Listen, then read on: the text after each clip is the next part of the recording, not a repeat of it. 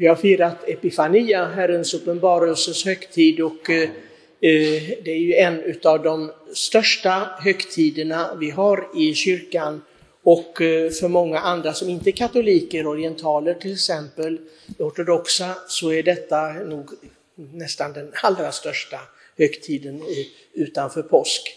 Och det är det själva julfirandet.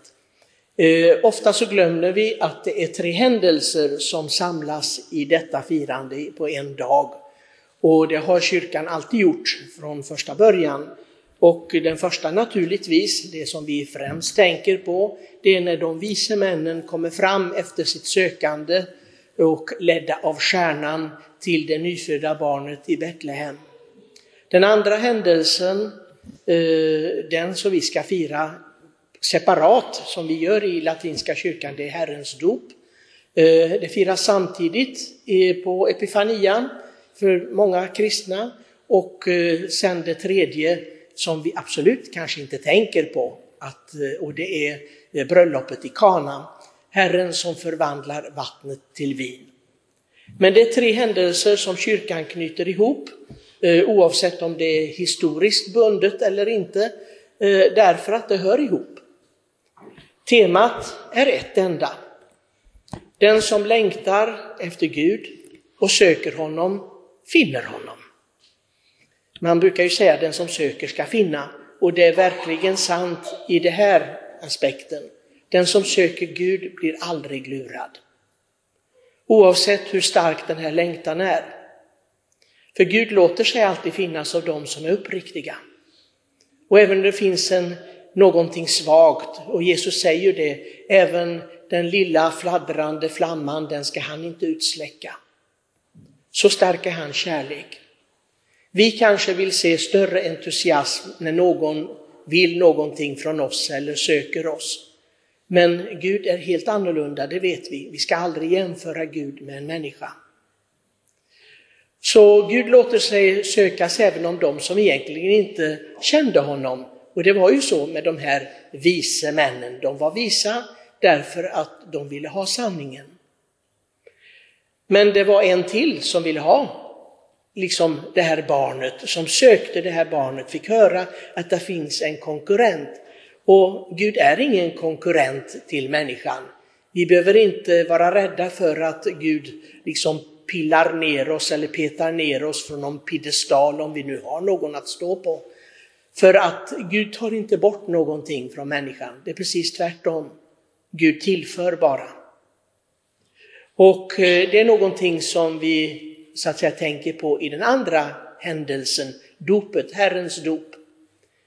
När vi firar Herrens dop så ska vi förnya dem för den söndagen, imorgon alltså, infaller det, så är det vår gemensamma dopdag. Jag vet inte hur många av er som firar era dopdagar, men det är egentligen en av de viktigaste dagarna ni har. Att födas, ja det gör till och med katter och, och hundar. Alla föds vi som, som har liv, men en dopdag har inte alla. Det är den stora födelsen. För Jesus säger, vad hjälper det en människa om hon föds av en kvinna, eller, jag menar, men inte föds genom anden och vattnet. Och eh, detta är den stora födelsen då vi får en identitet. Att tillhöra Gud på ett mycket speciellt sätt, som skiljer oss från alla som inte är döpta. Det är detta, så att säga, stämpelavtrycket som Herren har gjort i våra själar med dopets sakrament.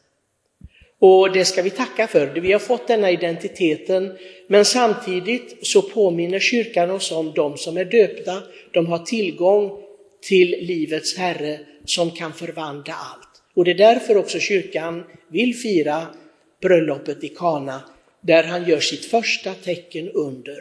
Och det gör han på Guds moder Marias förbön. Det är precis som om hon säger till, nu är det dags min son, nu är det dags.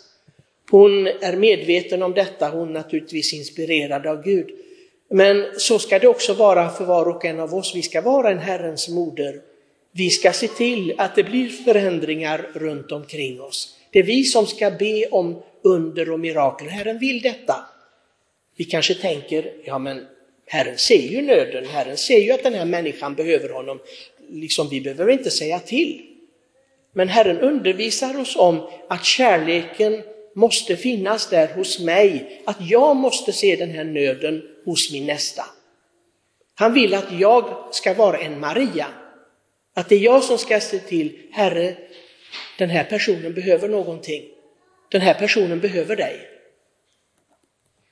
Det är detta som är den stora händelsen i bröllopet i Kana. Inte det att bröllopsgästerna skulle få mer att dricka, det tror jag alla förstår.